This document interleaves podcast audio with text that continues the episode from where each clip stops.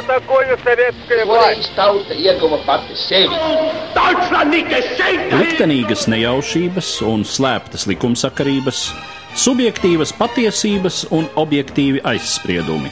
Pēc atkušņa nekad nenāk uzreiz pavasars, bet sākās Arī šodien cilvēki ir ļoti tūredzīgi. Viņi redz to naudu, kas ir. Televīzijā jau pamatā notiek cīņa par vārdu. Pagātne no šodienas skatu punkta un šodienas caur pagātnes prizmu. Raidījumā šīs dienas acīm. Latvijas radio eterā Eduards Liniņš. Labdien, cienījamie klausītāji! 9. novembrī apritēja Vācijai un visai Eiropai svarīga gadskārta - 25 gadi kopš Berlīnes mūra krišanas. Man bija tā iespēja jubilejas dienās uzturēties Berlīnē un sastapt vairākus tā laika notikumu dalībniekus. Vācu politiķis no Kristīgi demokrātiskās savienības Eberhards Dībgens tolaik jau piekto gadu bija Rietumberlīnes valdošais birģermeistars. Vēlāk, pēc neilga pārtraukuma, viņš ieņēma nu jau apvienotās Berlīnes valdošā birģermeistara posteni, palikdams tajā līdz 2001. gadam. The west part of Berlin was in the center of the Cold War. It had a special legal status, the supreme power of the Allies. For the west part of the city, the Western Allies, but it was a four power status. So there was a rest of responsibility of the Soviet Union too.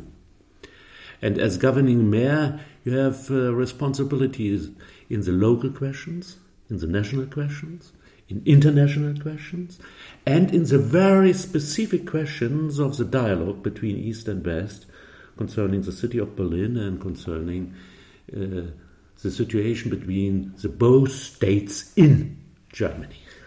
That was the fascination of this function, much more than the fascination of a prime minister, for example, in Bavaria or otherwise. And um, just to give you an example, I have to visit, and I was guest in the Oval Office in the White House much more often than the foreign minister of the Federal Republic of Germany. Rietumberlīne atradās augstā kara centrā. Tai bija īpašs tiesiskais status. Augstākā vara tajā piederēja Otrā pasaules kara sabiedrotajām valstīm. Pilsētas rietumdaļā tie bija rietumu sabiedrotie, bet pavisam jau bija četras sabiedroto varas, un vienā daļā Berlīnes atbildība piekrita Padomju Savienībai. Un kā valdošajam birģermeistaram jums bija atbildība par vietējiem jautājumiem, par nacionāla līmeņa jautājumiem un starptautiska līmeņa jautājumiem, un arī par rietumu un austrumu dialogu dažos ļoti specifiskos aspektos, kas saistījās ar sadalītās Berlīnes un divu vācu valstu situāciju. Tas padarīja šo funkciju tik fascinējošu, daudz fascinējošāku nekā, teiksim, Bavārijas premjerministra amats. Kā viens piemērs, es biju viesis Baltā nama ovālajā kabinetā daudz biežāk nekā Vācijas Federatīvās Republikas ārlietu ministrs. Kāds bija jūsu ceļš uz šo amatu? Kā jūs izšķīrāties uz to pretendēt? It's uh, one of the discussions in Germany how a politician decided to become a great man in uh, yeah. in politics. That was not my way. I come from the student movement, and then I protest in protesting against the left wing on the University of the Free University in Berlin. I become member of Christian Democratic Party. I was. Uh, Vācijā tas ir viens no apspriestākajiem tematiem, kā politiķis izšķiras būt dižans. Tas nebija mans ceļš. Es nācu no studentu kustības, no protesta kustības pret to laik kreiso virzienu Berlīnes Brīvajā universitātē. Tā es kļuvu par Kristīgo demokrātu partijas biedru, biju viens no Nacionālās studentu asociācijas viceprezidentiem, atbildēju par izglītības un studentu sociālā nodrošinājuma jautājumiem. Tā es sāku uzņemties atbildību, un tad jau partija aicināja mani uzņemties arvien vairāk. Tā es kļuvu par Berlīnes parlamenta locekli, sākumā darbojos izglītības jomā, biju skolu lietu komitejas priekšsēdis un arī budžeta komitejas loceklis. Budžeta komiteja tas, protams, bija daudz nozīmīgāk. Es kļuvu arī par partijas prezidija locekli. Tāds bija mans ceļš uz politiku. Bet tas bija tipisks berlīnieša ceļš. Man to noteica divas emocionālas piesaistes. Pirmkārt, sociālā atbildība, un otrkārt, visas tās jūtas un cerības, kas saistījās ar šīs sadalītās pilsētas situācijas pārvarēšanu. Abas šīs ievirzes man bija ļoti svarīgas. Was uh, all the feeling and the hopes in uh, overcoming the specific situation of the divided city. These both emotions were very important. Ja mēs no šodienas skatu punkta raugāmies uz situāciju 20. gadsimta 80. gadu otrajā pusē, tad populārā uztverē varētu dominēt priekšstats, ka rietumu pusē nu gan ik viens bija gatavs lielajām pārmaiņām. In those times, I hope all people were ready for the great changing. But uh, in the West, we have much more development in the direction that they accept more and more the division of Germany. And, uh, Tolaik gribētos cerēt, tik viens bija gatavs lielajām pārmaiņām. Taču rietumos bija notikusi daudz būtiskāka attīstība sadalītās Vācijas arvien noteiktākas akceptēšanas un abu sistēmu sadarbības virzienā. Bija izveidots pamats idejai, ka tā otra puse ir jāpieņem. Mana pozīcija bija. Mums jāpanāk daudzi risinājumi cilvēku labā, ekonomiskos jautājumos un tam līdzīgi, bet ir jāsaglabā iespēja izbeigt sadalītību. Tāda bija mana politiskā ideja, taču rietumiem tā nebija tipiska. Un, ja jūs atceraties to Ronalda Reigana slaveno runu pie Brandenburgas vārtiem, kurā viņš teica: Mr. Gorbačov, novāciet to mūri, tad šī runa bija pretēja tā laika garam. Un tajā pašā laikā, kad viņš teica šo runu, Vācijā notika daudzas pret Reiganu vērstas demonstrācijas. Un Reigana komandas dalībnieki un tie, kuri šo runu rakstīja, zināja teikt, ka, sakot, novāciet mūri, Reigans ne tikai vērsās pret Gorbačovu, bet ka viņš gribēja atrast jaunu kopīgu pozīciju ar saviem sabiedrotajiem, jo viņu biedēja viņu sabiedroto gatavība akceptēt Padomju Savienību un visu, kas ar to saistījās. That, uh, Reagan argued not only against Gorbachev, tear down the wall. But at the same time, he wanted to uh, to argue and to find uh, new positions his, with his allies, because he thought he was afraid that the Allies accept Soviet Union and all that. Un kāda bija situācija 1989. gada sākumā, kad Erihs Honekers teica savu slaveno frāzi, ka šis mūris stāvēs vēl vismaz 50 gadus? I think, I think very important for the year 89 was the development not only in Germany. Yes, of course, we have a lot of groups, first very small, then they grow up more and more. But it was a development in uh, most of the Eastern European countries. And uh, step by step they worked together with Hungary, Es domāju, 1989. gadā ļoti nozīmīgi bija arī notikumi ārpus Vācijas. Jā, mums, protams, bija daudz aktīvistu grupu. Sākumā mazas, vēlāk tās sāka augt arvien plašākas, taču svarīga bija attīstība visās Austrumē Eiropas valstīs. Soli pa solim tās veidoja kopīgu darbu. Ungārija, Polija, Čehoslovākija. Daļa no VDR pastāvošās opozīcijas vēlējās pamainīt sociālisma sistēmu, padarīt to humānāku, pat ne līdz tādam līmenim, kas atbilst mūsu šī brīža priekšstatam par demokrātiju, nomainīt šo vecišķo vadoņu sistēmu VDR. Un otra daļa - tie bija tie, kuri vienkārši devās prom no valsts, caur Prāgu, caur Ungāriju un tā tālāk. Bet tādējādi sistēma tika stipri destabilizēta. Mans redzējums, un arī tas, ko es sapratu no sarunām, piemēram, ar tā brīža Ungārijas komunistu partijas līderiem, tendence ir nelietot varmācību pārmaiņu procesu ietekmēšanai. Bet tikai ar varmācību to visu vēl varēja ietekmēt. Un es biju ļoti nobažījies, vai Padomju Savienība pieņems izmaiņas savā starptautiskās politikas paradigmā, kas bija pastāvējusi vairāk nekā 300 gadu. Jūsu valsts jau arī bija daļa no šīs attīstības. Vai ir iespējams, ka Padomju Savienība aizies no VDR, izvedīs savus 400 tūkstošus karavīru? Attīstoties demokrātiskajai kustībai Polijā, ar šiem karavīriem VDR viņiem bija iespēja iejaukties Polijas notikumos. Bez šiem karavīriem viņiem tādas iespējas nebija. Tas mani tobrīd biedēja, bet es biju pārliecināts, ka pastāvošajā sistēmā, esošajā ekonomiskajā, cilvēktiesību un citās situācijās palikt vairs nevarēja. Tā ka es biju drošs, ka pārmaiņas būs, bet nebūtu nebiju drošs, ka tās būs tādas, kādas notika līdz ar 9. novembri. Tā bija ļoti laimīga sagadīšanās. To remain in this system and in this situation economically, in the rights of people, and and and. So I was sure that we will have a changing. Not sure that it is a changing with the 9th of November. That was great luck. Kad iestājās tā izpratne, ka Vācijas atkal apvienošanās ir realitāte? I personally have a great controversial discussion with Chancellor Kohl. And I will tell you because that's very interesting concerning the development in Europe and our situation with all our neighbors and our allies.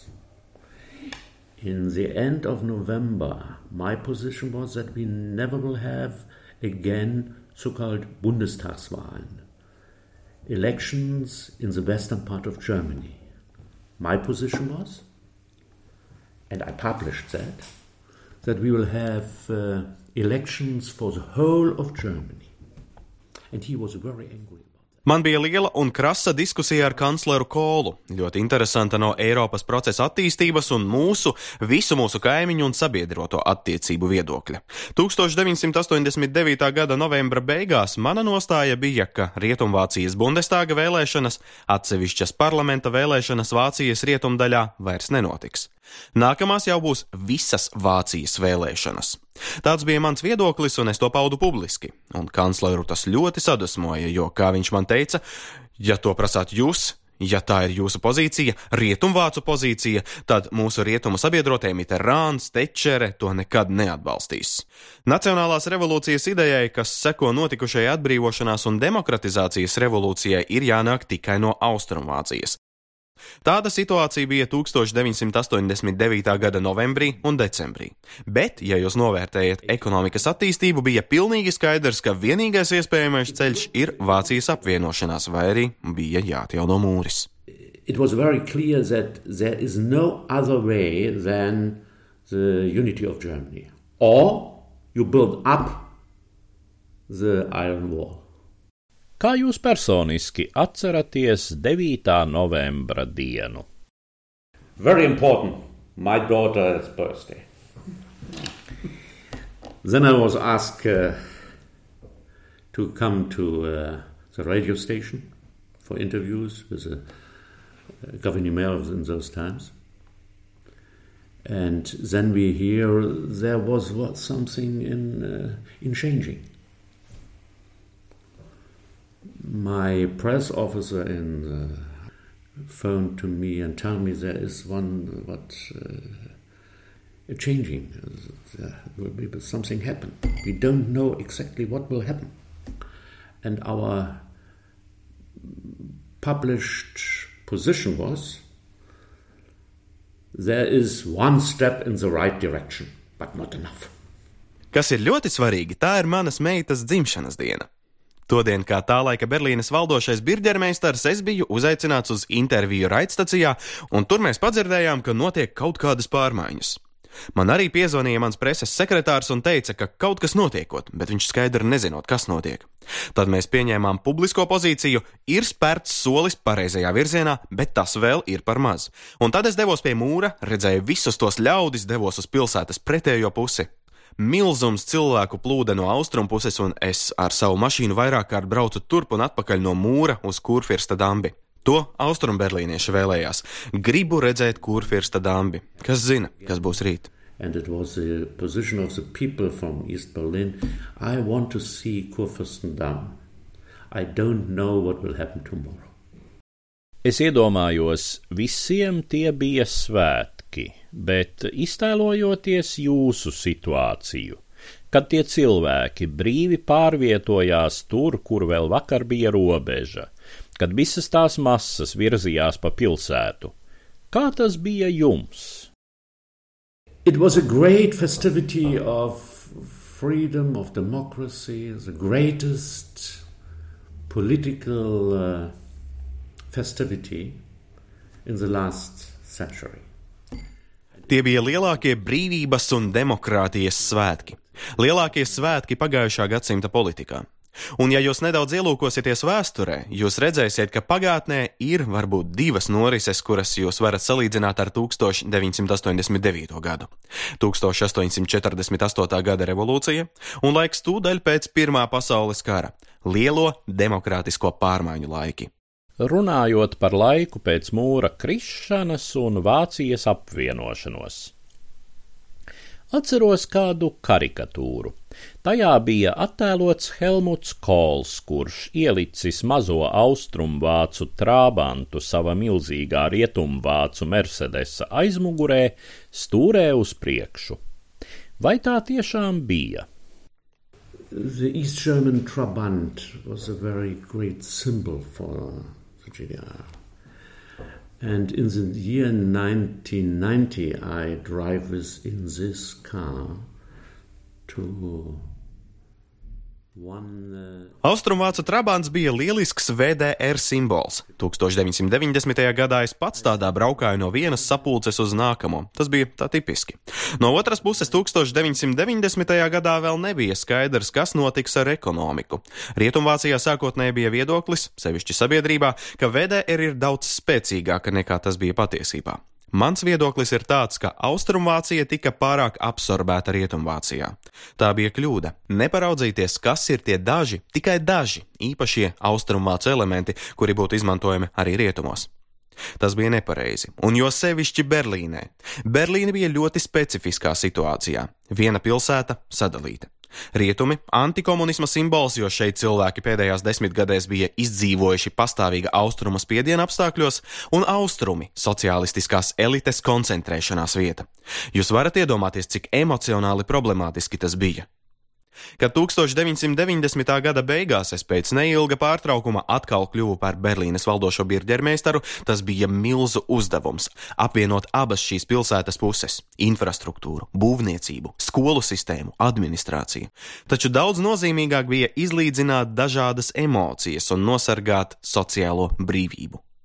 Kāda bija galvenā atšķirība, kuru jūs atceraties no abu šo pilsētu šo divu politisko vīžu savienošanās.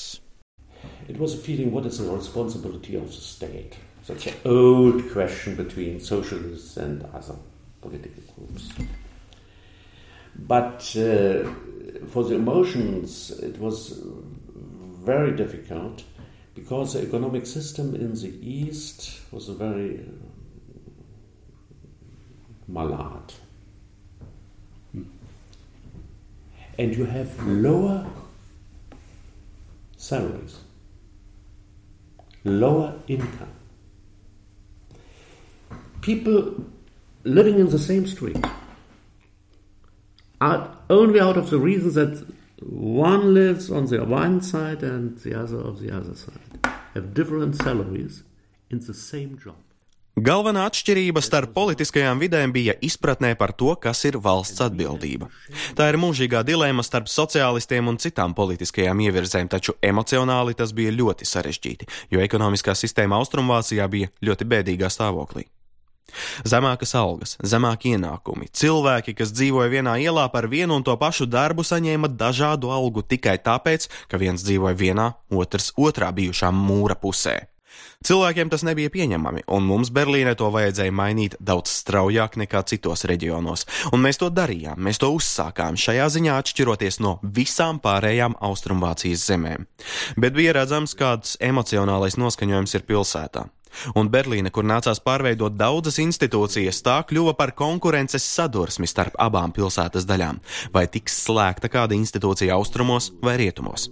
Budžeta naudas taupīšanas nolūkos mums nācās diskutēt, vai slēgt to opernamu, to teātri, to sporta centru, un pret to vajadzēja cīnīties. Tas Berlīnei bija liels pārbaudījums. Oh, you have to close the opera. You have to close the theater. You have to close this sporting area. And we have to fight against that. That was a great challenge of the city of Berlin. Raugoties atkal no šodienas pozīcijām, mēs zinām, ka visas šīs postsociālisma sabiedrības kādā savā attīstības posmā sāk izjust nogurumu no demokrātijas, kas būtībā ir nogurums no atbildības. Kā tas bija izjūtams šeit, Vācijā? Typical for the systems is that they thought the state have to do that. I will tell you that in uh, example when we have uh, our first experiences with the administration in the east part of the city, they discuss. Uh, do you have not enough bread in the in the city of Berlin? I never was concerned with that problem as a governor mayor of Berlin. Sociālisma sistēmā bija raksturīgs priekšstats, ka valsts jau izdarīs. Piemēram, ja atceros savu pirmo pieredzi, sadarbojoties ar pilsētas austrumdaļas administrāciju, viņi, piemēram, apsprieda jautājumu, vai Berlīnē pietiek maizes. Es, Berlīnes valdošais birģermeistars, nekad nenodarbojos ar šādām problēmām. Tā ir ļoti tipiska atšķirība. Es domāju, ja jūs raugāties uz šodienu, tad ir zināma nostalģija, kas raksturīga cilvēkiem vispār. Un jums ir no jaunās attīstības zaudējušie, kas ir raksturīgi visām lielajām vēstures pārmaiņām, un šiem ļaudīm ir daudz nostalģisku domu. Pagājušie 25 gadi. Jūs, protams, varat jautāt, vai tas ir ilgs laiks, vai arī tikai vakardiena. Nu, no vēstures viedokļa tikai vakardiena. Yes. But if you see the generations, there are some people who are the losers, and 25 years are not very long time. So you have that. Jā, bet ja jūs raugāties uz to no pauģu viedokļa, tad ir daži, kuri ir izrādījušies zaudētāji. Un 25 gadi tas tiešām nav tik ilgs laiks. Uz to ir jāraugās, respektējot cilvēku dzīves situāciju dažādās sistēmās, arī austrumu puses sistēmā. Šobrīd vēl pastāv dažas atšķirības starp bijušajām Vācijas daļām, austrumiem un rietumiem. Kā jau teicu, bija kļūdas Vācijas Federatīvās republikas un arī Berlīnes federālās zemes valdības politikā. Šobrīd ir tikai nedaudz atšķirību, piemēram, pensiju lielumā. Bet, ja jums ir šāda atšķirība starp austrumu un rietumu daļu, likumā noteikta atšķirība, tad tas nav naudas, tas ir taisnīguma jautājums un politiķu domāšanā tam nav bijusi atvēlēta pietiekama vieta, spriežot tikai par to, cik maksā šis un cik maksā tas. Tātad te ir zināmas problēmas. No otras puses, cilvēki ir sapratuši, ka dzīvojot demokrātijā, viņiem ir iespēja par visu brīvi debatēt, viņiem ir pārvietošanās brīvība un citas brīvības. Tas viss viņiem ļoti skaidri ir, un attiecīgi viņi var tiekties pēc pārējā. Have the chance uh, to discuss all things. They are living in a democracy that they have free traveling, that they have all that. That's uh, very clear. And so they look only for other things. Raugoties uz šī brīža attīstību Austrumēropā, sevišķi Ukrainā, uz Krieviju un tās pēdējo gadu politiku, vai jums ir izjūta, ka ir iespējama kāda atgriešanās pagātnē, kas aptvertu vairāk kā tikai dažus austrumu Ukrainas apgabalus. I'm very cautious. Special to answer that uh, in a broadcasting system in the Baltic states, because you have uh, very specific historical uh, experiences. I know that um, for example, if you look to the to uh, the memory of history between peoples and the experiences with different systems. You have very different feelings to the east and uh, what happened from west and Germany. We in Germany we don't understand that uh, enough, I think so. Es būtu ļoti piesardzīgs, sevišķi jau atbildot Baltijas raidstacijas ēterā. Jums šai ziņā ir ļoti atšķirīga vēsturiskā pieredze. Es zinu, ka novērtējot dažādu tautu atšķirīgo vēsturisko atmiņu un pieredzi dažādās politiskajās sistēmās, jūsu austrumu eiropiešu izjūta ir ļoti atšķirīga no tās, kas valda rietumos, arī Vācijā. Mēs Vācijā, es domāju, to izprotam nepietiekami. Turning back No, I think so. No. Turning back, no. But I will tell you some of my emotions. Atgriešanās pagātnē? Nē, es nedomāju. Nē, atgriešanās nebūs. Bet es nedaudz dalīšos ar jums savās emocijās. Es jau jums stāstīju, ka 1989. gadā es ar bažām domāju par to, vai Padomju Savienība būs spējīga aiziet no Austrumvācijas, izvadot savus 400 tūkstošus karavīru jo tas nozīmētu mainīt paradigmu, kas Krievijas politikā pastāv kopš Pētera lielā laikiem. Šis skepticisms mazinājās līdz ar 1994. gadu, kad padomju karavīri aizgāja no Vācijas. Aizgāja dziedādami Deutschland, wir reichen dir die Hand. Vācija, sniedzam tev roku un atgriežamies dzimtenē. Tas bija ļoti emocionāls moments, bet vēl jo daudz nozīmīgāks, ja jūs to uzlūkojat no vēsturisko procesu viedokļa. Šis gads bija nozīmīgāks par 1989. gadu, par 9. novembra notikumiem. Iespējams, kāds nākotnes vēsturnieks to pavēstīs. Bet, ja jūs lūkojaties uz Ukrajinu un to, kas tur šobrīd notiek, manuprāt, tas ir rezultāts situācijai, ko Gorbačovs 1990. gadā pietiekami neapzinājās, pietiekami pamatīgi neizsvēra no Krievijas vēstures jautājuma viedokļa. Viņš atstāja neatbildētu jautājumu, kāda ir Krievijas loma postpadomju situācijā. Tad no šodien, pēc Jeļcina, Krievija no jauna uzdod šo jautājumu, un mans personiskais viedoklis ir, ka mums būtu daudz vairāk jāsadarbojas un ka mums nevajadzētu provocēt Krievijā zināmas izjūtas. Iespējams, tās ir faktiem neatbilstošas izjūtas, bet politikā jums jāņem vērā tieši izjūtas un esošajā ģeopolitiskajā situācijā definēt jauno Krievijas lomu un tās startautisko atbildību, tas ir NATO, Eiropas Savienības un pārējo institūciju uzdevums. Un es domāju, tas jādara ļoti rūpīgi. Ja uzlūkojam to caur šo problēmu prizmu, tad, manuprāt, tas nav ceļš atpakaļ. Tā ir jaunas vietas atrašana Krievijai, un es nedomāju, ka pastāv jau kādas briesmas, ka Krievija varētu, atceroties pagātni, iejaukties Baltijas, Polijas vai citu valstu lietās. Tāds viedoklis, ka Puķins destabilizēs visu, ko vien spēs, ir mūsu preses virsrakstos, es teiktu, ikdienas. On our press headlines,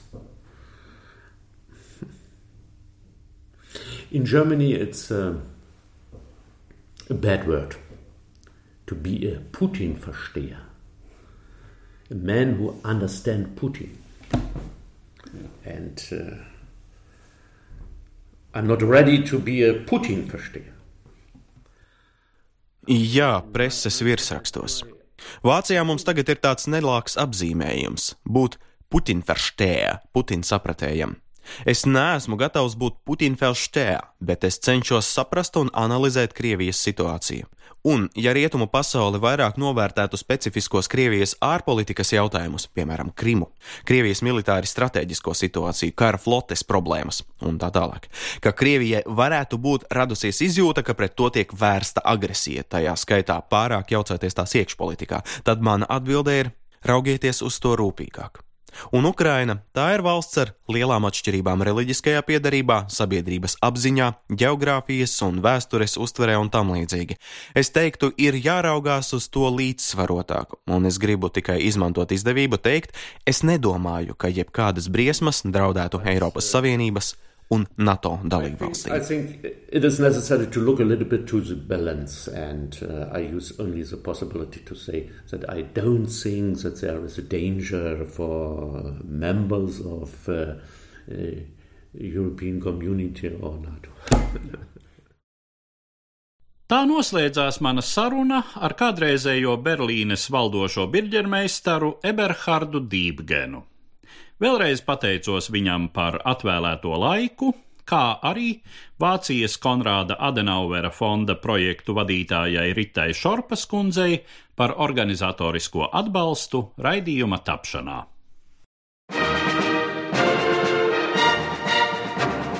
Par pagātni sarunājas Eduards Līniju.